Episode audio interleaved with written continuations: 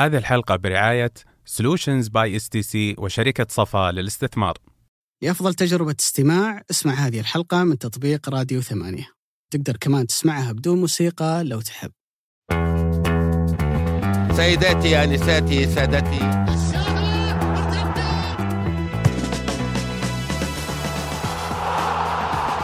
السلام عليكم ورحمة الله وبركاته. أهلا وسهلا بكم في حلقة جديدة من بودكاست مرتدة الذي يأتيكم من شركة ثمانية للنشر والتوزيع. جولة أخرى من جولات دوري روشن السعودي للمحترفين كانت في نهاية الأسبوع الماضي. شهدت واحدة من مباريات القمة اللي جمعت النصر بالشباب أو الشباب بالنصر كون المباراة كانت على أرض الشباب. وأكيد أن كلنا انتبهنا لهالموضوع لأنه صار عليه الكثير من الكلام على موضوع إسعار التذاكر، توزيع المدرجات وما إلى ذلك، وأيضا كان في مباراة الهلال والعدالة ومواجهة الاتحاد أمام الباطن اللي كانت في بداية هذه الجولة. راح نتكلم في هذه الحلقة عن أحداث هذه المباريات والتفاصيل اللي كانت موجودة فيها، يرافقني كما جرت العادة الحبيب والعزيز أبو سعود خالد القحطاني. طاب مساءك يا أبو سعود. أهلا وسهلا أبو علي حياك الله. أهلا وسهلا فيك واهلا وسهلا بالسادة المستمعين والمستمعات. و hard luck. على. على خسارة السوبر العثماني. لكنك ما خسرت من يونايتد عادي جولة. جولة عابرة ما هو قال سوبر. مباراة قالت مباراة ثلاث نقاط؟ مباراة ثلاث إذا نقاط. بغوا يهونون الموضوع قال لك مباراة ثلاث نقاط. لا وفاز بعدها أرسنال على توتنهام فوسع. الفارق. لكن لكن ثمان ما نقاط حاليا أظن. اي خلاص. لا ما في شيء اسمه ما في شيء اسمه خلاص يعني. والله أنا اقيس بالفريق اللي مع ذا السنة. مم. فما أتوقع إنه بيقدر يصمل نفس الصملات اللي راحت ألا إذا ارسنال سوى شيء يعني غير متوقع وتعثر على عكس. اللي شفته أمس أحفظ السؤال زين أبو سعود إني بجيك فيه إذا سولفنا عن الهلال. طيب. ما يمدي ولا ما يمدي ابشر بإذن الله لا يمدي يمدي يمدي الحين؟ يمدي يمدي جميل جميل خلينا نبدأ مع مباراة النصر والشباب أتوقع يمكن الحدث الأهم والأبرز فيها هي اللي صار في آخر المباراة، المباراة كانت توشك إنها تنتهي. اصابه ديفيد اوسبينا اللي نتمنى له الشفاء وانه تعدي إن شاء الله يعني بردا وسلاما عليه، هي واحدة من الإصابات المزعجة. بالنسبة لحارس المرمى هو أثمن ما لديك هي يدينك اللي أنت تمسك فيهم الكورة. الإصابات في هذا المكان مزعجة لأنه تأخذ وقت طويل في التشافي. والمشكلة إنه في كثير من الأحيان إنه في حالات الكسور ال- أنت تبدأ تدخل في مشاكل إنه يعود العظم زي ما كان هل يعمل تأثير على على الأعصاب على ردة الفعل وبقية الأشياء هذه؟ فهي إصابة ما هي بسهلة يعني. يعني بالنسبة ممكن للاعب غير الحارس يعني في لاعبين يلعب جبيرة على يده عادي صحيح. يعني ما, ما عنده أي مشكلة. لكن بالنسبة لحارس المرمى الموضوع أعتقد إنه يشكل فارق كبير. وممكن كان هو الحدث الأبرز والأكثر ما أزعج النصراويين في نهاية هذا الأسبوع. وهم يستعدون لاستقبال رونالدو في المباراة القادمة. فقدوا واحد من أهم أهم عناصر الفريق. يعني ديفيد اسبينا في الفترة الأخيرة إلى جانب تألقه وتميزه كحارس مرمى في دوره الأساسي اللي هو استقبال الكرات الرجل قاعد يمتعنا في عملية التمريرات الطويلة اللي جاء منها هدف تاليسكا الثاني أمام الطائي. ولكن لعلك لاحظت في مباراة الشباب لعب أكثر من تمريرة من هالنوع وكانت في معظمها تروح سامي الناجعي صح ما استغلت وما استفاد منها الفريق بشكل كبير لكن يظل حارس مرمى بارع جدا في بناء اللعب عنده شخصية كبيرة بارع جدا في إرسال الكرات الطويلة. وأقول عن الوصف اللي قلته عنه ممكن بعد الجولة الأولى والثانية يا أخي تحس إن عندك حارس مالي المرمى. تحسك أنت لما تهاجم تشيل هم هالرجال اللي تحس إنه مغطي كل زوايا وكل أبعاد ال- المرمى. فكيف تشوف إصابته يا أبو سعود؟ بتأثر كثير في موسم النصر الفترة القادمة؟ الصراحة أبو علي أول ما سقط سبينا ما توقعت إنها بتكون بهالصعوبة. يعني بدالي إنها إصابة سابقة وتفاقمت عليه عشان كذا هو انهار بالبكاء. لأنه آه، حالة جسمه لو تلاحظ الكوع ما ما مال لا يمين ولا يسار فقلت يمكن تكون إصابة بسيطة بعد ذلك يرجع كسر ما توقعت ابدا إنها كسر. رجعت أتذكر ليتها أرجع أشوف تاريخ اصاباته مع نابولي. عنده تاريخ إصابات امانه متكرر لكن ابدا ما كان من نوع هذه الإصابات ابدا هذا النوع من الإصابة. يعني اعلى إصابة هو غاب بسببها كانت 25 يوم تقريبا شهر. هذه بتكون أصعب منها بشوي وهذه كسر فحالها بالنسبة له بيكون أكثر ازعاجا. أتكلم هنا عن حالة ال- ما بعد العودة بعد الجبيرة وبعد كذا الرهبة اللي ممكن تصير بحكم انه يعني أكثر جزء بيستخدمه في مسيرته هي اليدين فكل مرة بيستخدم فيه اليدين هل بتكون عنده رهبة ولا لا؟ آه، أمانة الإصابة في توقيت مزعج جدا جدا جدا للناصر ودافيد اوسبينا من زود ما إنه فارق جدا في منظومة النصر يعني أتوقع أي واحد بيجي يصنف أفضل لعيبة النصر هذا الموسم إذا ما كان الأول فهو الثاني، إذا ما كان تريسكا فهو سبينا والعكس. ولو تتذكر بعد أول حلقة نزلناها هذا الموسم أو ثاني حلقة كانت هل يكفي النصر فاز أوسبينا من زود. ما إنه كان فارق كثير من نتيجه صحيح. الفريق. فهو حارس جدا مالي المرمى مثل ما قلت من أول مبارياته مع نادي النصر. المزعج أبو علي في دافيد أوسبينا غير كونه حارس يحمي مرماك بشكل مو طبيعي مثل تقريبا ثلاث أهداف محققه اللي شالها في مباراة الشباب وكان منها في نهاية الشوط الأول صراحة بردة فعل رائعة جدا وذكية إلا أنه حارس آه، يملأ هذا التكتيك اللي جالس النصر يبني عليه. يعني الكثير منا يتكلم عن نقطة بناء اللعب والكرات الطويلة وفي نفس الوقت الكرات اللي ترجع له وبعد ذلك هو يقدر يعطيها باص في عمق الملعب إما لناسامي النجعي ولا حتى ما بعد خط المحاور. هذه نقطة جدا حساسة. ولكن حتى على الجانب الدفاعي بدون كورة هو حارس ممتاز جدا كاليبرو إنه يطلع يشيل الكرات الطولية اللي تلعب ورا خط دفاعه. فاتذكر في كل مباراة لعبها النصر شفت وسبينا يطلع يشيل كورة عشان ما ينفرد مهاجم. فعنده دائما خطوة استباقية. وهذا خلينا نقول النهج اللي جالس ينتهجه رودي جارسيا إن خط دفاعك كله يكون صاعد يعتمد تماما على شجاعة وحدس دافيد أوسبينا. فانه يتوقع الكرات ثم بعد ذلك يطلع لها واحيانا تشوفه يطلعها براسه واحيانا تشوفه يطلعها بيده واحيانا تشوفه يرجع يبنيها آه، في وسط الملعب. فتاريخه حافل جدا بكونه حارس مقتدر إنه يملأ الجزئيتين. الجزئية اللي إحنا بدون كورة سواء كحارس ليبرو ولا حتى كحارس يملى المرمى. ولا بالكورة كحارس يقدر يخلق لك خطورة. المزعج أبو علي إنه لا هي إصابة لنهاية الموسم فأنت كذا بكل خلينا نقول ضمير هادئ. تلغي عقده أو تفسخ عقده وتعطيه مخالصة وتسجل حارس مكانه ولا هي الإصابة اللي شوي يرجع. إصابة. ست أسابيع هذا تقديرها أتوقع الادنى. يعني أتوقع أنها يعني ست في كلام. اليوم ممكن تكون حتى أكثر من ست أسابيع أنا أتوقع أنها أكثر أتوقع أنها أكثر لأنه ست أسابيع أنت بتاخذها يعني ك خلينا نقول حد أدنى مع نهاية فترته العلاجية وإلى آخره إلى انه يجي يلعب هل هو بيرجع يلعب مثل ما كان بعد الكسر ما أدري صراحة لكن السؤال هنا آه، هو وش التصرف السليم؟ صراحة هي حيرة، حيرة بمعنى الكلمة حيرة. إن قلت إنه تفسخ عقده وتعطيه مخالصة وعقده فيه يعني غير ذا السنة سنة أخرى وينتهي عقده في جون 2024 فأنت هنا بتخسر حارس كبير حتى فيما توقع هذا الموسم والموسم الجاي. وحارس يندر إنه يجي دورينا، يعني صحيح. بت- بتطيح بحراس ممتازين بس اسمه ما هو رنان كذا فيجي يعطيك كله عندك. يعني مثلا الاتحاد جاب قروهي الشاب جاب كيم بس كلهم ما هم اسبينا قبل ما يجونك. فاسم وقيمة اسبينا قبل ما يجيك غالية جدا فما تقدر تخالصه كذا و... وتجيب أي حارس ويمشي. الموضوع. لأنه ذا الحارس أنت كمان بتجيبه ما ينجح. 34 سنة يا أبو سعود. يعني بالمعايير حراس. المرمى اللي اليوم يعني قاعدين يلعبون إلى عمر متقدم زي نوير وبوفون وغيرهم ممكن يعطيك إلى ال 40 صحيح. فبالتالي أنت ما تقدر تخسر عشان ستة شهور تخسر حارس ممكن يخدمك سنتين ثلاث قدام. فهذا يعني أنا أشوف ناس كثير تطالب بهالشيء. وهالناس تنسى إنه هو نفسه دافيد اسبينا ممكن تكون عنده ردة فعل سلبية لما أنت تفسخ عقدي فوق اصابتي وتحاول ترجعني على الموسم الجاي. في لعيبة ممكن يقبلون بهذا الشيء، يعني أنا أتذكر آه، ما شاريبوف كان بينحط في هذا المكان مم. وبكر كان بينحط في هذا المكان لكن كلهم أنت خسرتهم تراك ما خسرت شيء،. بينما أوسبينا لا أنت خسرت يعني إلى 30% أو 40% من منظومتك ككل. فالتعامل معه جدا حساس والمشكلة وفي نفس الوقت تسلم ذا الفترة هي كمان المشكلة أبو. سعود اللي هي ضيق الوقت يعني الموضوع صار في نصف يناير فترة انتقالات أعتقد يوم 28 تنتهي فما قدامك وقت طويل يعني من العدم في مركز أنت ما تعتقد إنك تحتاج إلى حر... إلى لاعب في هذا المركز. فجأة أنت مطلوب منك تلاقي خيار كويس. يعوض اوسبينا يعوض اسبينا مو بيعوض حارس. خلال أسبوعين لازم تخلص الموضوع مع واحد يقبل إنه يلعب معاك ستة شهور. الموضوع ترى جدا صعب. صح. جدا جدا صعب. وهذا يخليك يعني تروح للتساؤل الثاني أو الافتراض الثاني إنه ليش الموضوع ما يحل من قبل حارس مرمى محلي؟ يعني النصر اليوم عنده ثلاثة عنده وليد عبد الله. أمين بخاري ونواف العقيدي فلو بنعمل أبو سعود ترتيب الثلاثه مين البديل الأول الثاني الثالث أنا متأكد إنه الناس بتتفاجئ من المعلومة اللي بقولها إنه المفروض إنه البديل الأول هو اللي يقعد على دكة البدلاء. النصر هذا الموسم لعب تقريبا 14 مباراة جلس على دكة البدلاء ثل- ثلاثة كلهم، كل واحد منهم خذ فرصة إنه جلس على دكة البدلاء.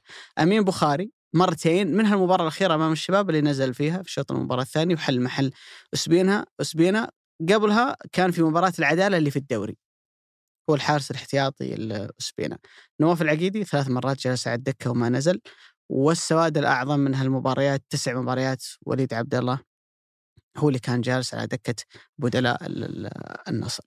أنا بالنسبة لي لو بحط ترتيب لهم بحط رقم اثنين أو ثلاثة وليد عبد الله لكن قطعا ما راح أحطه في رقم واحد. ليش؟ لأنه أمين بخاري ونواف العقيدي خليك بموضوع إنه صغير وممكن تصنع حارس المستقبل، أنت اليوم متصدر للدوري وعندك هدف أساسي إنك تبغى تفوز بهذا الدوري من أجل إنك تلعب في دوري أبطال آسيا القادم ومن أجل إنه النجاح الأكبر لموسمك إنك تفوز بالدوري، فبالتالي أنا ما ماني في في في موقف إني أعطي فرص لأحد ولا أمنح ثقة لأحد ولا كما لو أن الموضوع كذا كما لو أن هالموسم ما يهمني، ولكن أعلى حاجة عند وليد عبد الله أنت تعرفها.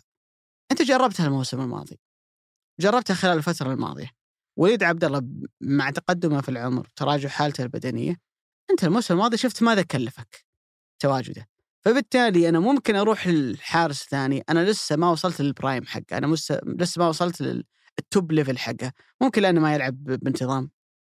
ما ياخذ فرصة بشكل كبير جدا. فإني أراهن على واحد منهم مباراة ورا مباراة ممكن يوصل لي إلى مستوى يعني عالي جدا يقدر إنه يعوض نوعا ما غياب اسبينا ما راح يقدر يعوضه بشكل كامل. فبالتالي أنا أكثر ميلا إلى أنه يكون يا أمين يا نواف. أكيد المدرب هو اللي يشوفهم هو اللي يطلع عليهم. آه نواف قاعد يلعب مع المنتخبات السنية لكن لأن أمين أصلا تجاوز السن اللي يخليه يقدر يلعب مع هالمنتخبات فواحد ما بينهم. لكن أنا زي ما قلت لك أنا وأنا قاعد أشوف الأسماء رجعت لتشكيلات النصر في المباريات السابقة.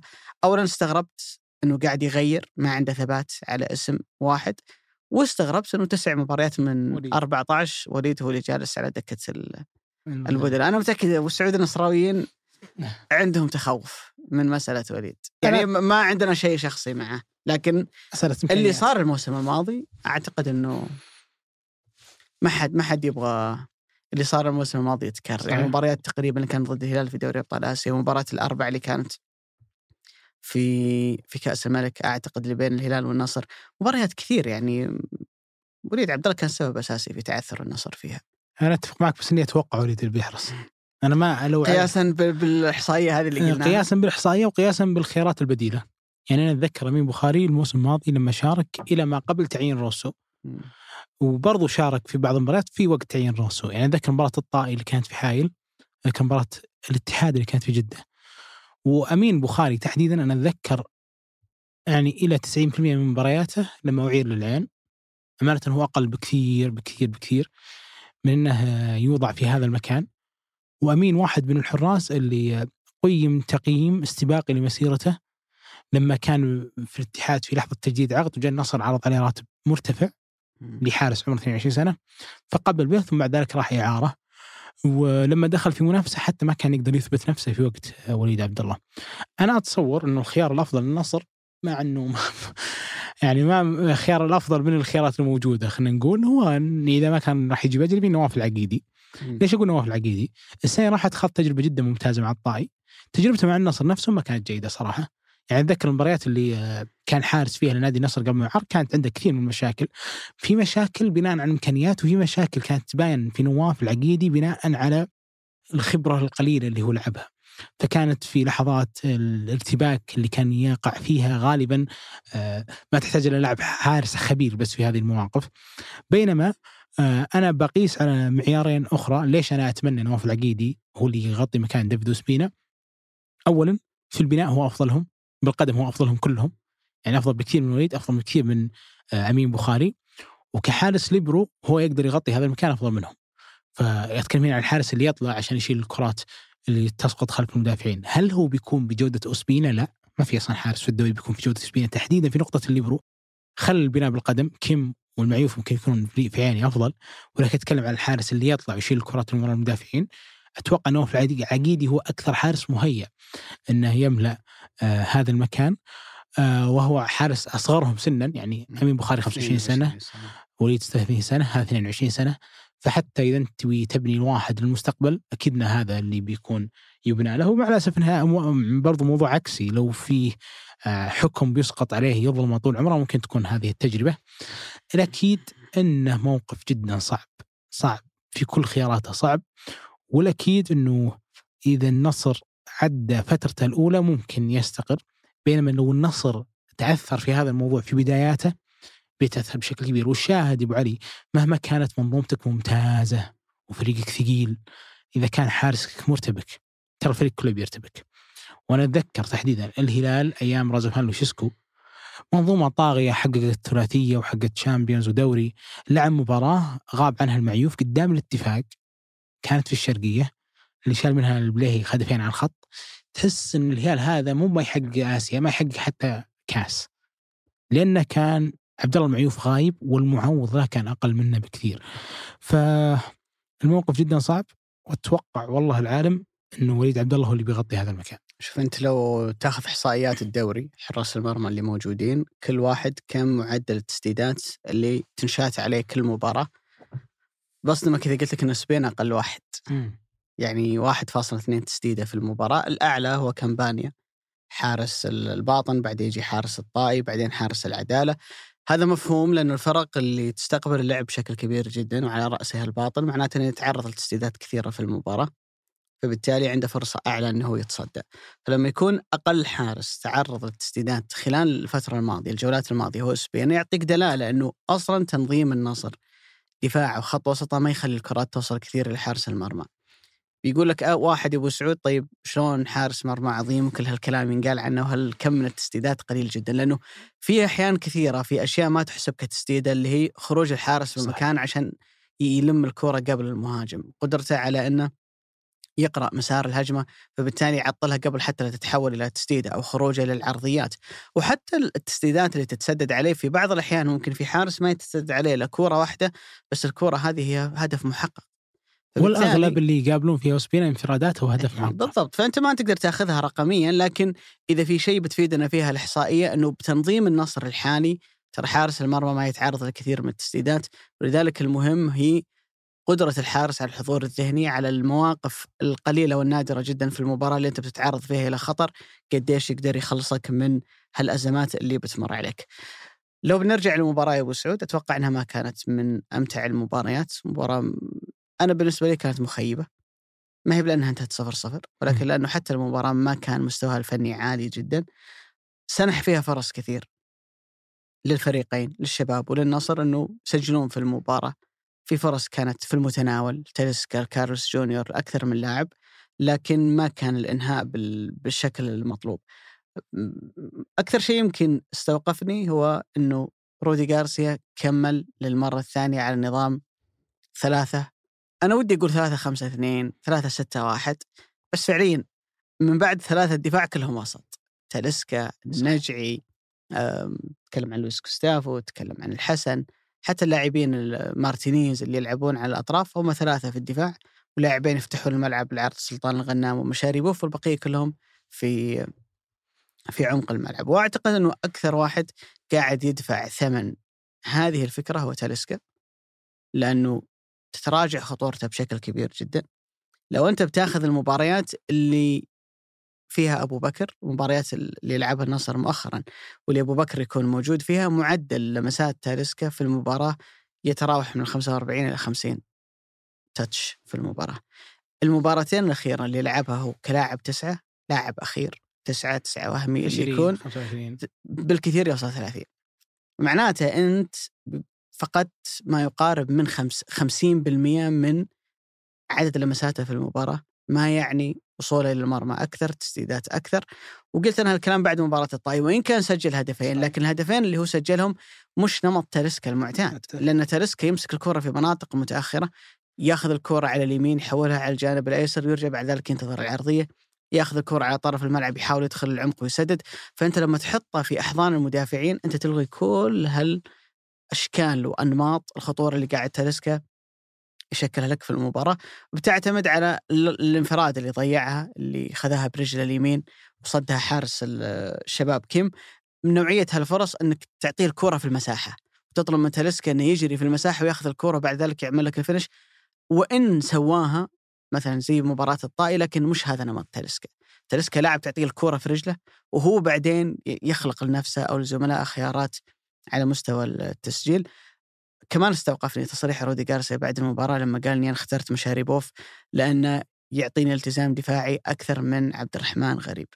أنا ما أبغى أعيد الكلام اللي قلته الأسبوع اللي راح واللي كتبته في تويتر إنه هي فرصة سانحة وعظيمة ولن تتكرر لهؤلاء اللعيبة الصغار في النصر إنكم تقدرون تمسكون خانة أساسية في الجانب الأيسر من الملعب. جناح، صانع لعب، آه، لاعب طرف اللي يكون. إنه أنت عندك فرصة إنك في هالمكان النصر ما عنده ولا لاعب أجنبي مميز والنصر ما راح يستمر كذا، الناس شايفة. اللي في ال social media الناس كلها قاعدة تشوف إن رودي جارسيا مجتمع مع إيدن هازارد. ممكن السنة الجاية تشوف إيدن هازارد في النصر.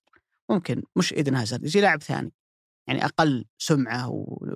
ومسيرة من إيدن هازارد بس لاعب جدا مهم. يغطي لك هالخانة، فأنت في مرحلة تقدر تثبت نفسك. أنا مرة ضايقني لما يطلع مدرب يقول بعد المباراة والله أنا اخترت مشاريبوف لأن بيعطيني التزام دفاعي أكبر، طيب مشاريبوف قبل لا يجي النصر ترى جناح أيسر. وهو نجم منتخب أوزباكستان آه، أكبر حاجة عندهم صحيح. في منتخب نجم هو الأول فعلا. السوبر ستار حقهم ويقبل ويرضى على نفسه كلاعب أجنبي المفروض إنه يجي عشان يلعب يعطي إضافة نوعية ويلعب أدوار أساسية ومهمة في الفريق. يقبل على نفسه إنه يتحول إلى لاعب ظهير في نظام 3 5 2 wing back أو ايا كان مسماها علشان يخدم الفريق وعشان هو يلقى خانة أساسية. محزن جدا إنه هل ما في لاعب سعودي عنده استعداد إنه يضحي دفاعيا في سبيل إنه ينجح مع الفريق؟ مشكلة ترى. صحيح يعني بعض اللاعبين يركن إلى فكرة إني أنا الباقي والاجنبي هو الراحل. أنا اللي موجود والأجانب هم اللي باستمرار يتغيرون، فلا تقدم هالتنازل عشان لا يتعودون عليك، لأن فعلا ترى في بعض اللاعبين هذه وجهة نظر سليمة. إنك أحيانا إذا قبلت تلعب في مركز غير مركزك تراك تلزق. يمكن أبرز مثال ناصر الدوسري. لعب في اليسار اضطرارا ثم خلاص ما عاد فارق الخانة. بعض فاسكيز مثلا في ريال مدريد اصيبوا كل الاظهر اليمين في ريال مدريد، جرب زيدان ظهير يمين قال تبي تجدد السنة الجاية تلعب ظهير يمين. ولا, ولا ما في تجديد بعض اللاعبين هو يحسبها بالفكرة هذه لكن أعتقد إنه اليوم. ثمانية لاعبين اجانب واحد برا السنة الجاية الثمانية كلهم بيلعبون وما في شيء يلوح في الأفق ولا يعطيك دلائل إنه هالأجانب بينقص عددهم مستقبلا فبالتالي المفروض إنك تقاتل على فرصتك حتى يعني- في اسيا بيزول. إي أنا أنا أفهم فكرة إنه اللاعب يقول لك والله أنا فضلت فلان على فلان لأنه مثلا أفضل منه فورمته اعلى لكن لأنه ملتزم دفاعيا أكثر يا أخي ليش ما تلتزم ليش ما؟ تلتزم أنت كم عمرك عشان ما تلتزم 24 سنة 23 فعلا سنة يعني أنا ضي... تاكيدا لكلامك ابو علي أول ما نزل عبد المجيد الصيف جلست أفكر وين بينزل. ترى أول ما نزل عبد المجيد الصيف وقف طرف يسار. في مكان ما شريبوف ثم بعد خمس دقائق جاء سامي النجعي ووقف في هذا المكان ووقف الصليهم مهاجم ثاني جنب تاليسكا وش اللي يخلي واحد مثل رودي جارسيا يستخدم الصليهم وسامي النجعي في خمس دقائق في هذا المكان غير إنه غير مقتنع في الأداء والمجهود الفردي اللي بيكون لعبد الرحمن غريب وخالد الغنام أو حتى أي أحد بيجي في مكانهم. آه المزعج تماما إنه النصر لما غير هذا التشكيل وقف فيها السناتر ما استخدم ابدا لا غريب ولا حتى آه اللي هو خالد الغنام، خالد أتوقع ان الموضوع بالنسبة له شبه منتهي ما راح يشارك. لكن أتكلم هنا عن عبد الرحمن غريب، عبد الرحمن غريب في بداية الموسم جاته فرصة كبيرة شارك يمكن خمس جولات متتاليه مع النصر بشكل أساسي. والنصر أنفق فيه قرابة 28 مليون 30 مليون. ما هي معلومة مؤكدة لكن اللي قرأناه كان في هذا السياق. فاللي كان يعني يملأ هذا الفراغ في عين أي نصراوي بيشوف تشكيلته على الورق هو عبد الرحمن غريب يملى هذا المكان فما نحتاج اجنبي فجأة تتخلى عنه ثم يكون ماشى يرجع هنا ثم بعد ماشى يستخدم الصليهم ثم بعد ذلك الصليهم يتحول لمهاجم ويجي هنا سامي النجعي.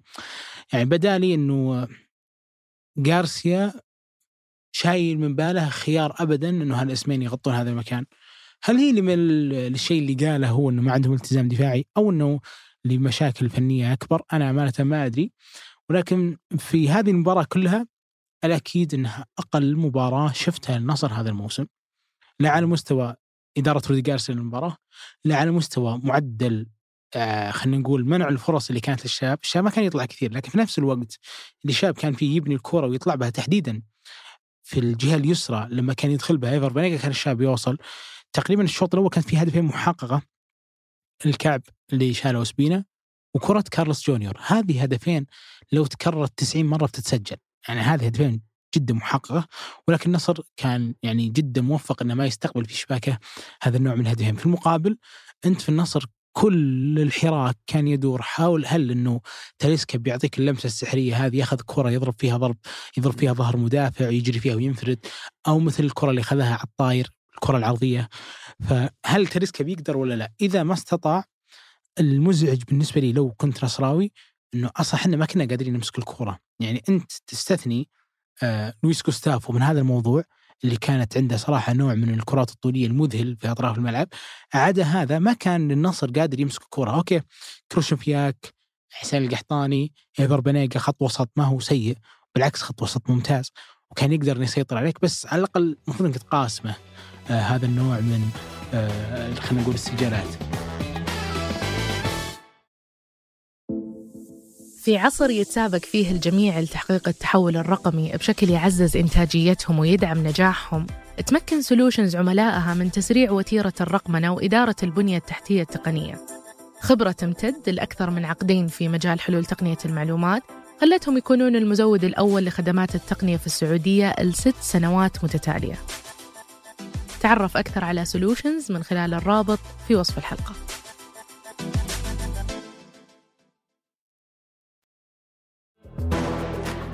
بالتأكيد إنه التعادل للفريقين كان مزعج وإن كان الشاب بالنسبة لي يعتبر أقل ازعاجا. لأن الشاب طلع من فترة صعبة وأدى أداء أشوفه إلى حد ما شباب, شباب جدا يعني كان مقنع في المباراة. تحديدا لمورينيو أتوقع أنه ثبت نفسه بعد ما كانت الناس تطالب بإقالته. بعد خسارة الوحدة 2 1 وبعد خسارة الفتح 4 1 آه كان فيه شوية تعقل. لما قلت لك أتوقع بعد غياب آه سانتيمينا أنه بيشارك هتان وكنا نقول عسى بس ما يسوي ينزل فهد مولد ولكن اللي صار إنه جوانكا وكارلوس جونيور وهتان وثلاثيه في وسط ملعب عطته توازن. واتوقع أتوقع لو أن الشباب توفق في اللمسة الأخيرة عند فواز الصقور كان بيسوي مشاكل لأي فريق. يعني فواز عنده ذا النقطة بس لو توفق فيها لو الله كتب له أن ألهم على قلبه وصار لاعب هادئ مو هادي بس بيفرق كثير مع نادي الشباب. آه لكن بالتأكيد إن هذه النتيجة ترجع الدوري ما ودي أقول لي بداياته بس ترجع الفرص تحديدا على مقياس إنه كل هذه الأندية الكبرى بتلعب مع بعض في الدور الثاني فالكل في يد الدوري. صحيح. يعني كان كلام رودي جارسيا بعد المباراة إنه أنا حطيت مشاريبوف التزام دفاعي قالها نصا عشان رقم 27 في الشباب اللي هو فواز الصقور. بالضبط. فأنت كمدرب ما يعني ما راح تفكر هل اللاعب المنافس بياخذ قرارات صح ولا لا. أنا مهمتي إني ما أحطك في موقف أنت تقدر تاخذ فيه قرار من الممكن إنه يحسم مباراة إنك تعرض الكرة صح ولا تعرضها غلط، أنا دوري إني أمنع وصول الكرة إليك ولو وصلت إليك أقفل عليك فما أسمح لك تلعب العرضيات بشكل يعني يشكل خطورة على مرمي، ولكن أعتقد إنه فواز تحديدا سريع زيادة العددية ممتازة. ال timing عنده في عملية الزيادة العددية متى يروح؟ يحط نفسه في مواقف جدا رائعة. لكن نشاط بدني ما شاء الله. الإنهاء عنده سيء سيء للأمانة. يعني وأنت معاك بانيجا كل مرة يوصلك ثلاث سنوات يوصلك. وأعتقد أبو سعود إن هذه مشكلة عند معظم الاظهر السعوديين اللي هي فكرة إنه الاستعجال. يعني لما توصل تحاول إنك بسرعة تبغى تتخلص من الكورة. يمكن الوحيد الوحيد اللي شفته مميز في هالنقطة هو محمد بريك يعني من نوعية الأظهرة النادرين اللي يوقف على الكورة أو ياخذها على ورا ويرفع راسه وبعدين ياخذ فيها قرار لأنه طول عمره كان يلعب مهاجم. يعني في أظهرة ثانيين مميزين عندنا مثلا زي سلطان الغنام ما شاء الله تبارك الله. العرضيات عنده ممكن من أعلى الأظهرة تميزا في العرضيات ويلعب عرضيات من مناطق بعيدة جدا. لكن اتكلم عن الظهير اللي أنت توصله إلى تقريبا إلى خلاص خط المرمى اللي هو من المرمى إلى الركنية. في المكان هذا شلون تكون هادي؟ شلون تكون لاعب صبور؟ عندك توقع لمراكز بقية الزملاء؟ وين تلعب الكورة؟ قائم أول قائم ثاني. هذه واحدة من المشاكل اللي موجودة عند معظم الأظهرة السعوديين واذا بتاخذ كذا حالة واضحة لها بتاخذ فواز. فواز الصقور. آه كمان حديثنا عن اللاعبين المحليين في النصر معلومة شوي صادمة. أمام أبها نزل أيمن يحيى. وسجل هدف كان جميل جدا في شوط المباراة الثاني. أعطاه المدرب فرصة يلعب المباراة اللي بعدها اللي هي ضد العدالة وسجل فيها هدفين. جاك شعور هنا إنه خلاص أيمن يحيى on fire أخذ المركز الجاي حلو بالنسبة للنصر. من ذيك المباراة إلى مباراة الشباب في الدوري النصر ما سجل له لاعب محلي إلا هدف عبد الرحمن غريب ضد الهلال. يعني كم مباراة تكلم؟ تكلم بعدها عندك مباراة الفيحة وعندك مباراة الرائد وعندك الهلال وعندك الخليج. وعندك الطاي وعندك الشباب خمس مباريات. أكثر. كان عندك أربع مباريات بعد التوقف وعندك ال- الرائد خمسة والفيحاء ستة. آخر ست مباريات هدف واحد فقط من عبد الرحمن غريب الهدف اللي أحرزه اللاعبين المحليين. بداية الموسم كان حضور اللعيبة المحليين أفضل في النصر سامي النجعي كان أفضل عبد الرحمن غريب كان أفضل أيمن يحيى في مشاركاته كان أفضل لكن بعدين صار في دروب. وأعتقد إنه لولا إن تاليسكا قاعد يخلص لك كثير من المباريات الفترة الأخيرة أنت بتبدأ تعاني في الجانب ال- الهجومي. الشباب عمل تغيير مهم جدا لازم نربطه باللي صار في مباراة الاتحاد اللي كانت في وسط الأسبوع واللي ما, ما تكلمنا عنها بحكم إنها كانت في اليوم التالي بعد ما نزلت حلقة مرتدة الماضية.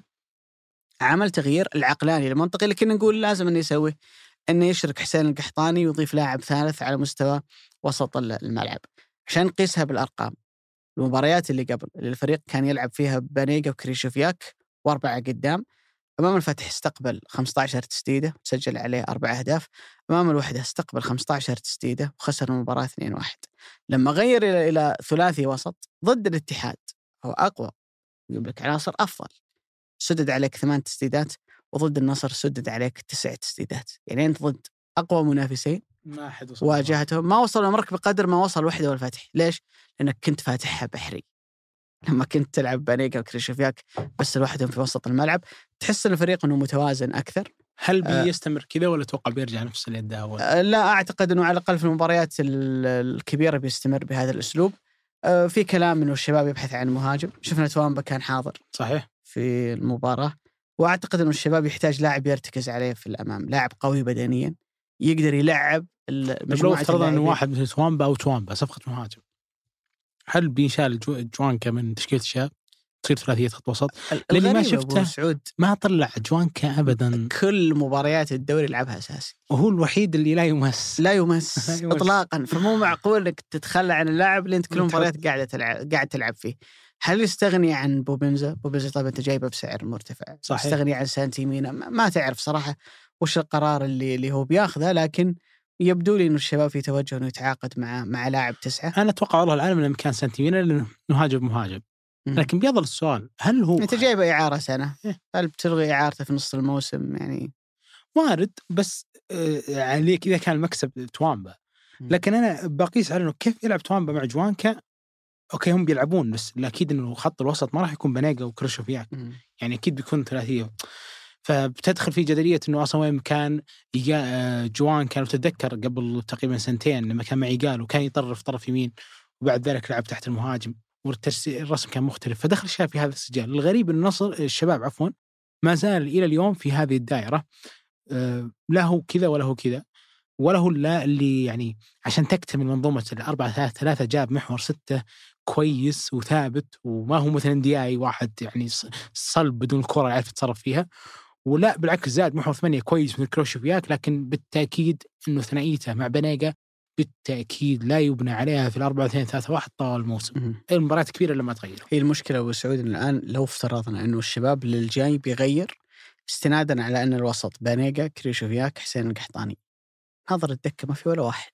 صح. ما في ولا واحد يقدر يعوض أي واحد منهم. يعني لما كان ال- الحديث عن الشباب يحتاج لاعب وسط ثالث أما حسين القحطاني أو فلا. ما, ما, ما في واحد ثاني. ما في. يعني يعني ناصر العمران كم مباراه لعبها. تركي العمار بلسانه هو. ما هو أنا اللي قاعد أقول. في تصريح سابق له. ما أنسى ذاك التصريح لأنه استوقفني من شدة غرابته. قال أنا أنا ألعب لاعب عشرة والمدربين قاعدين يلعبوني في مركز غير مركزي وأنا ما أرتاح إلا ألعب لاعب عشرة.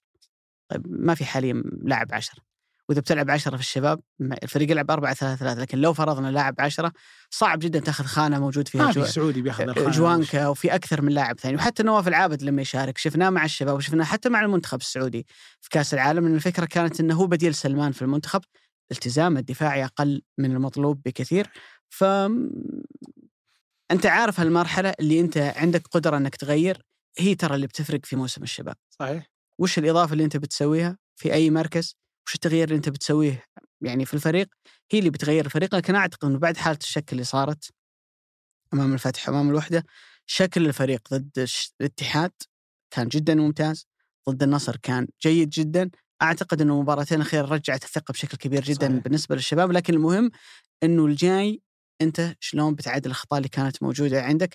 لأن ال... أنا أعتقد الشباب كانت عنده نقطة مهمة جدا بداية الموسم. لو استمر عليها بتخليه ينافس إلى آخر جولة.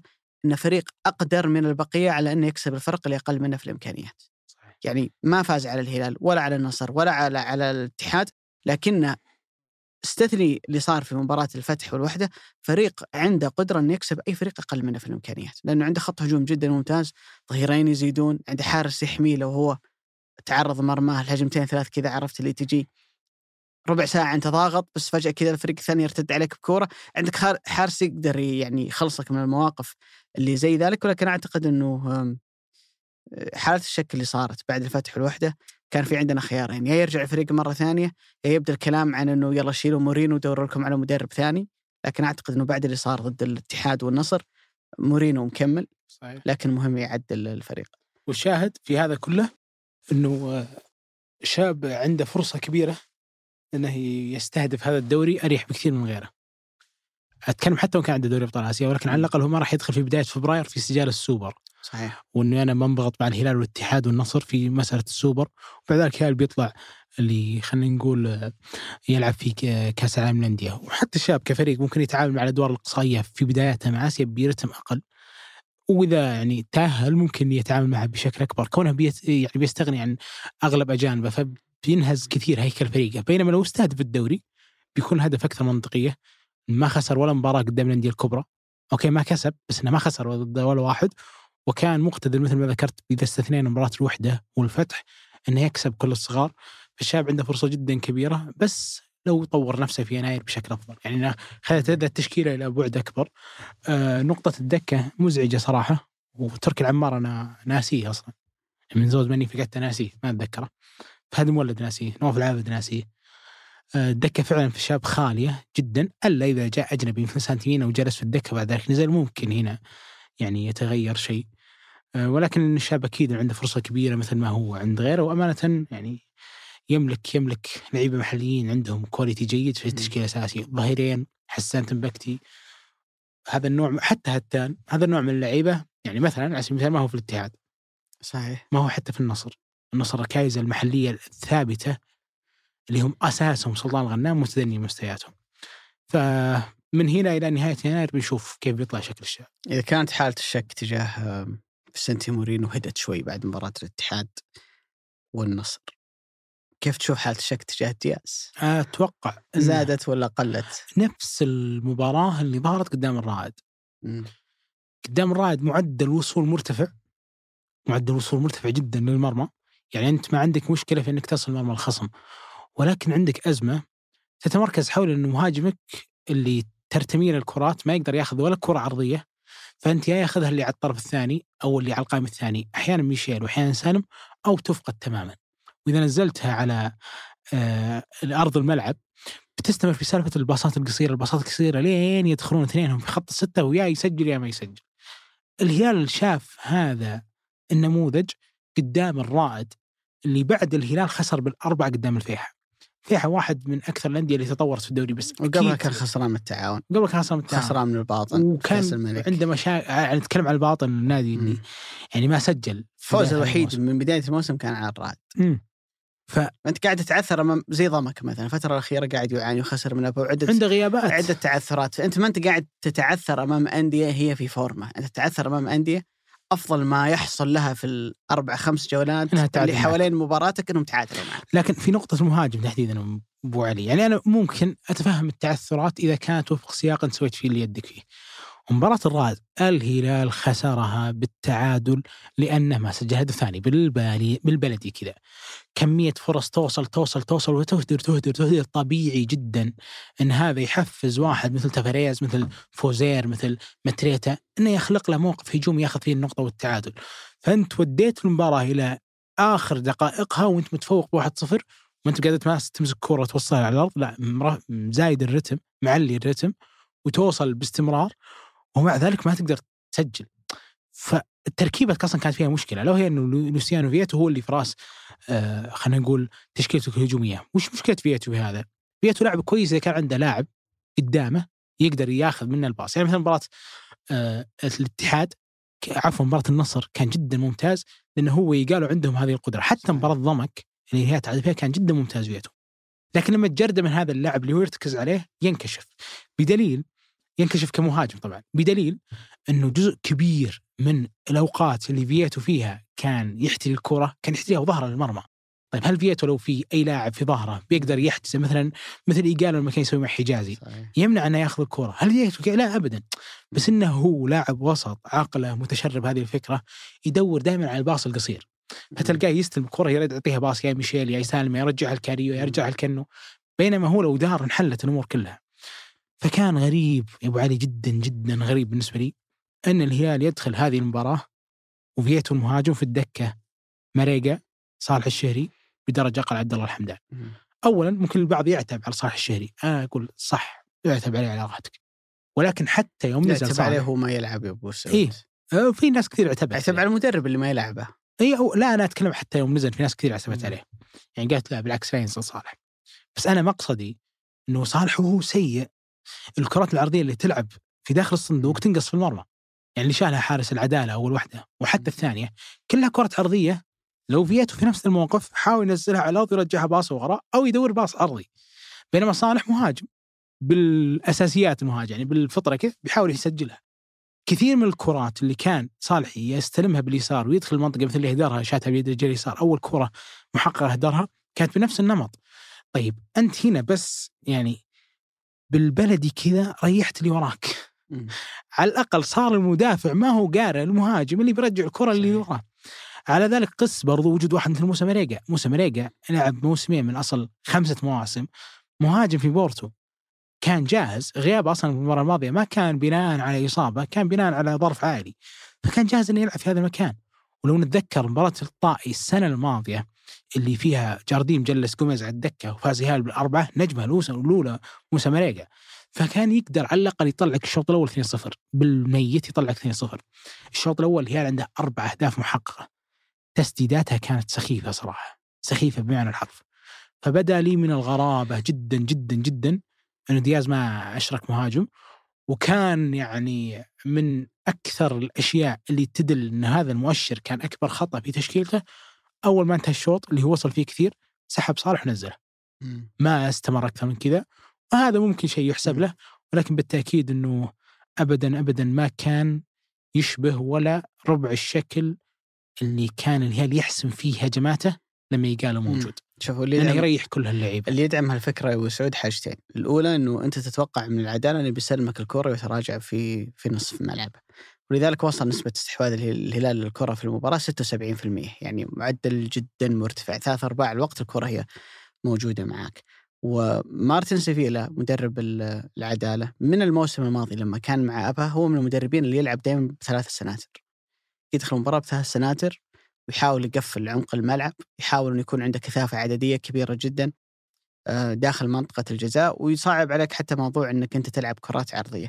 فلما تلعب ضد فريق بهذا الأسلوب هذا الستايل وأنت بتضغطه في نصف ملعبه والكرة بتكون دائما موجودة عندك خط دفاعك بيصل إلى خط المنتصف أو حتى يمكن يتجاوزه في بعض الأحيان أنت تحتاج للمهاجم اللي يلعب ظهره للمرمى اللي يقدر ياخذ الكرة تستند عليه تعمل معاه الدبل باس تعطيه الكرة حتى العرضية اللي ممكن ياخذ لك مدافع مدافعين ويقطع فيهم على القائم الأول ويفرغ مساحة على القائم الثاني. فأنت أحوج ما تكون إلى مهاجم تسعة كلاسيكي في مباراة من هالنوع. الغريب بالنسبة لي أنه في كأس العالم أظهر صالح الشهري أنه قادر يلعب 90 دقيقة. لأن هو صح. إحنا عارفين أنه راجع من الإصابة اللي كانت موجودة عنده اللي هي يمكن لا تقل خطورة عن إصابة الرباط الصليبي. لكن أظهر في كأس العالم أنه قادر يلعب 90 دقيقة في رتم عالي جدا ضد منتخبات يعني أعلى منه في الإمكانيات وفي حتى موضوع الجاهزية البدنية. فما أعتقد أنه عنده صعوبة أنه يلعب مباراة كاملة ضد ضمك ولا الرائد ولا العدالة ولا أي من الفرق اللي واجهها الهلال في الفترة الأخيرة. فهو أنا أتفق معاك أنه ما كان قرار يعني موفق من من دياز. والغريب بالنسبة لي أنه أنت أصلا فريقك مبني على مهاجم تسعة كلاسيكي اللي هو إيجالو. فعادة المدربين يفضلون لما يغيب لاعب عن المنظومة ينزل لاعب ثاني بنفس الخصاصة عشان التركيبة كلها ما تتغير. يعني لما أنت تعتمد على لاعب ستة في الجانب الدفاعي زي كويار يقطع لي كرات يريح الثمانيات اللي موجودين معاه أنا أفضل في مثل هالحالات أنه لما يغيب كويار أحط لاعب ثاني بنفس الخصائص عشان الاثنين اللي موجودين قدامه ما يتأثر أداءه. عكس اللي ينزل واحد مثلا زي عبد الله عطيف profile ثاني مختلف عنهم تماما. فأنت المفروض لما يغيب عنك إيجالو تروح باتجاه لاعب ثاني أقرب له في الخصائص اللي هو صالح الشهري أو ماريجا زي ما أنت قلت. لا هو راح باتجاه لاعب مختلف تماما اللي هو فيتو. أنا ممكن أفهم الموضوع لو الجناحين اللي عندك هدافين. يعني فيرمينو لما يلعب مع صلاح وماني في فترات ليفربول الذهبية أنت دورك إنك تنزل تحت تسحب مدافعين عشان الاثنين ذولا يدخلون للعمق وهم يسجلون. لا سالم في حالته. وانت لما تحط ميشيل على الجانب الأيمن أنت تنتظر منه العرضيات ما تنتظر منه صحيح. التسجيل. فبالتالي هي واحدة من القرارات اللي ما كانت يعني يمكن مفهومة وموفقة بشكل كبير من قبل دياز. لكن الملفت بالنسبة لي أبو سعود هل صار قدر محتوم على الهلال إنه لازم في كل سنة يمر عليه دروب زي هذا في كل موسم؟ وهذا ال drop لا ينتهي إلا بإقالة المدرب. اذا إذا كانت الفكرة هذه فعلا موجودة هذه والله كارثة. إذا كان فريقك كل سنة بيمر عليه drop وال drop هذا لن يعالج إلا برحيل مدرب. ومجيء مدرب جديد أنت هنا عندك مشكلة إنه ما في ولا مدرب ينجح عندك. لأنه إذا نزل رتم اللاعبين نزل مستواهم زي ما هو ملاحظ في الهلال حاليا اللي في عدد كبير من اللاعبين خارج الفورمة ما هم في وضعياتهم الطبيعية ما راح يرجعون لمستواهم مرة ثانية إلا إذا غيرت شيء. الشيء هذا هو مدرب جديد بنظام جديد قناعات جديدة ما عنده لاعب مثلا ثابت وأساسي يبدأ يحط يعني أساسياته وأولوياته فتحاول أنت إنك ترفع مستواك عشان تقنع إنك أنت تستاهل مكان أساسي. هذه مشكلة. هذا يعطيك فكرة إنه ممكن تكون سلطة اللاعبين في النادي أعلى من سلطة المدرب. لأنه هي واحدة من نقاط قوة الهلال. وفي ظني أحد أهم أسباب نجاحه في السنوات الماضية هي لحمة اللاعبين المحليين اللي موجودين عنده. يعني اليوم ما تجدها في الاتحاد ولا في النصر. تكلم عن أبناء نادي زي سالم الدوسري، زي سلمان الفرج، زي حتى اللاعبين ال- زي محمد بريك، زي عبد الله المعيوف ياسر الشهراني بعد آه، ياسر لا. لا اتكلم كلهم جو في لا ضف عليهم اللعيبة اللي أتوا من الخارج مثلا زي محمد كنوز زي ياسر الشهراني وغيرهم كلهم جو أقل بس في 21 نهايه سنة. الأمر عندك كتلة من اللاعبين المحليين اللي كل ما يتأزم الفريق يشيلونك يشيلونه ويشيلون اللعيبة الأجانب اللي موجودين معاهم ويشيلون المدرب وش لكن المشكلة اول شيء إذا هذه الكتله من اللاعبين. أما للإصابات أو لتراجع المستوى الفني أدائهم تراجع. يضيع الفريق ممكن وش أكثر شيء يهمك لو قررت تشتري شقة؟ سواء للسكن أو الاستثمار. جودة البناء، السلامة، الفخامة والتقنيات الذكية الموقع الاستراتيجي والخدمات. كل هالمميزات وأكثر بتلقاها في وحدات ومشاريع صفا للاستثمار. اعرف أكثر من خلال الرابط في وصف الحلقة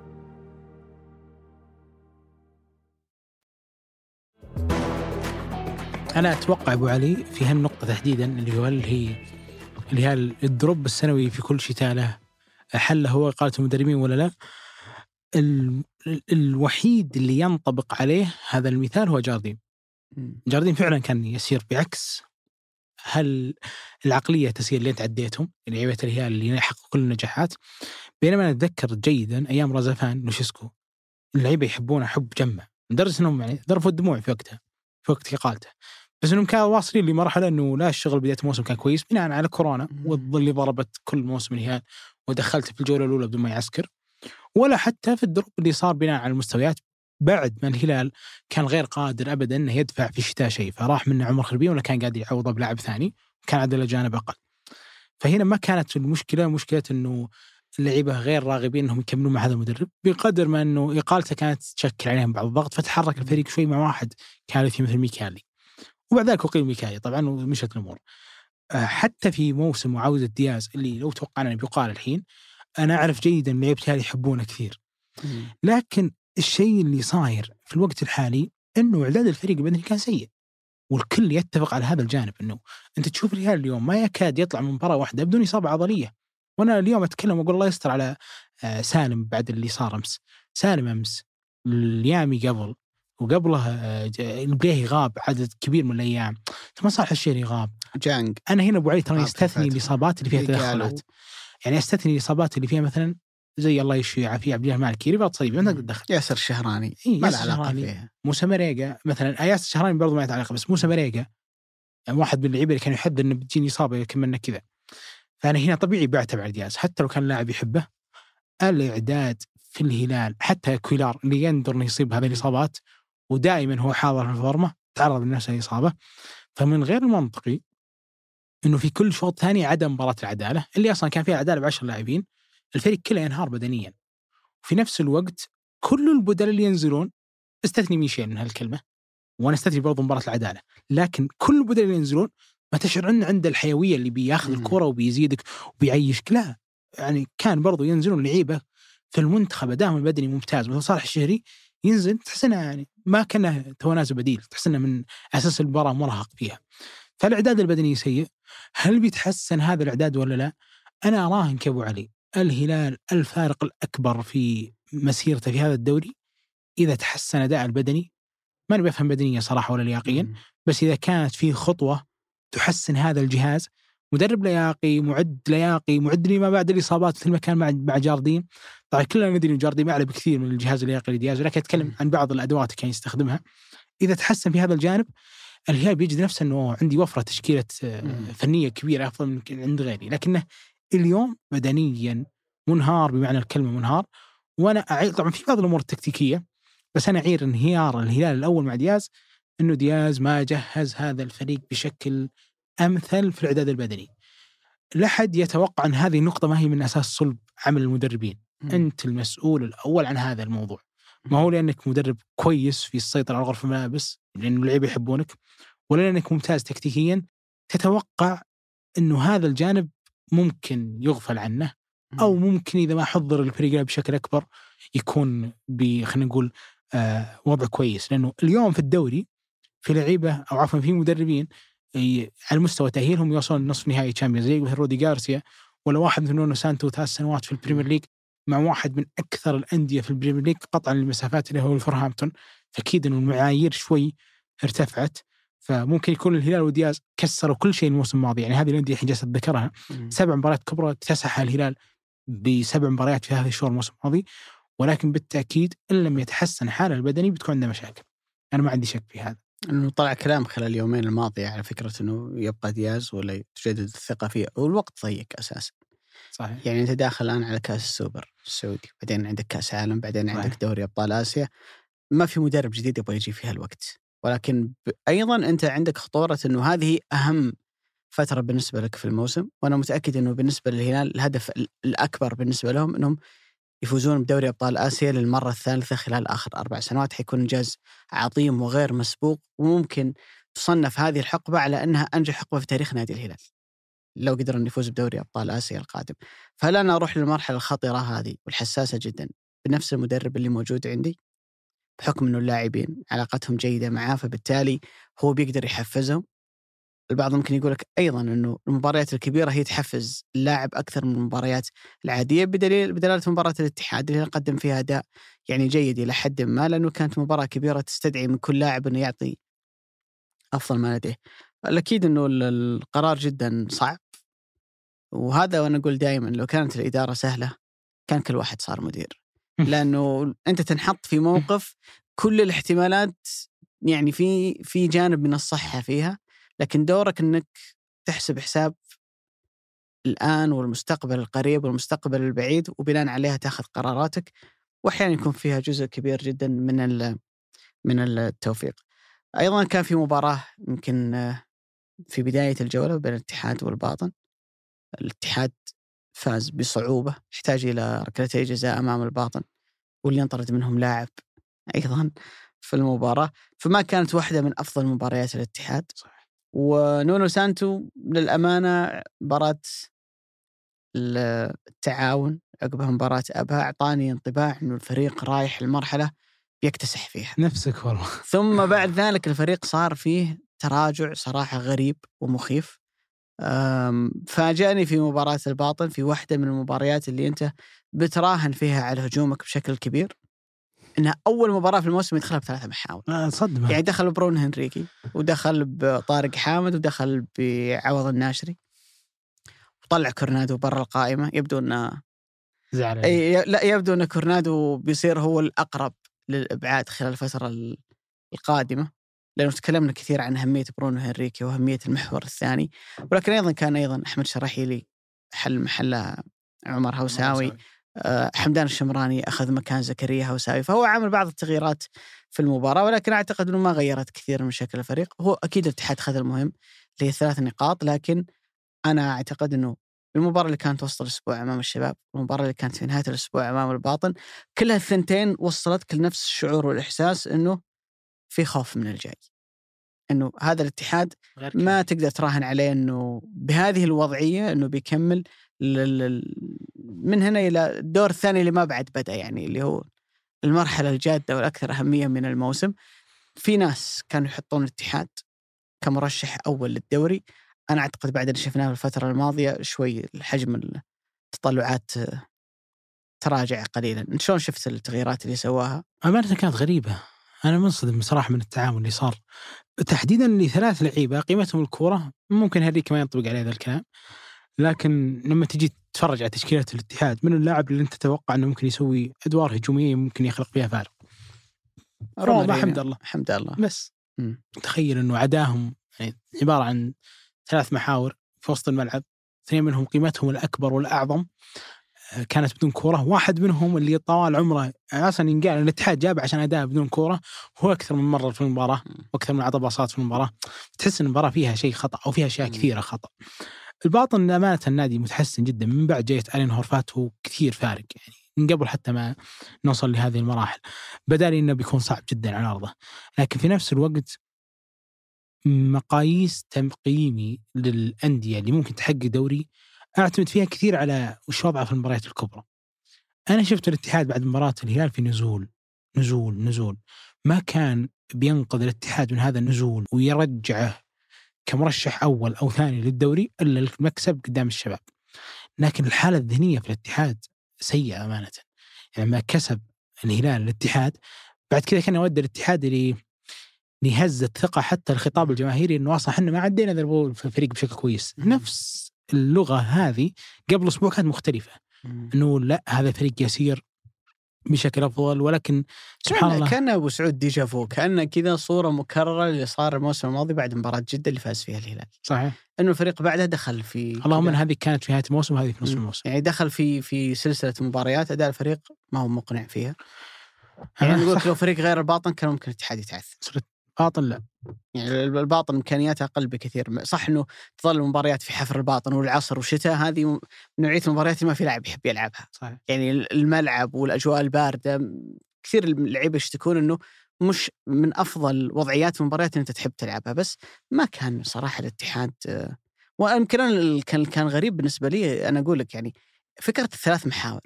إذا ما بتلعب فيها ضد الهلال وضد الشباب تيجي تلعب فيها ضد الباطن؟ يعني ليش؟ كان كان الموضوع غريب شوي.